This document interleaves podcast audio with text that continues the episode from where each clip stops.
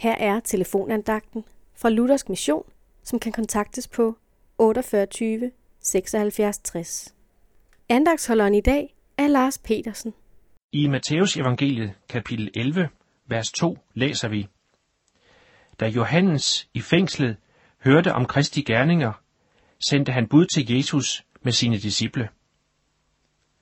Johannes døberen var en stor mand. En mand, som udrettede meget. Han prædikede. Han pegede på Jesus. Se, der er Guds lam, som bærer verdens synd, sagde Johannes om Jesus. Men nu var Johannes kommet i fængsel. Der var kommet mørke ind over hans liv. Johannes var sat til side. Her måtte han blot vente. Andre mennesker afgjorde nu hans liv. Han var afhængig. Og så vil jeg spørge dig, kender du det? Kender du til at være afhængig af andre mennesker og være magtesløs? Der må du gøre, som Johannes gjorde, nemlig at sende bud til Jesus.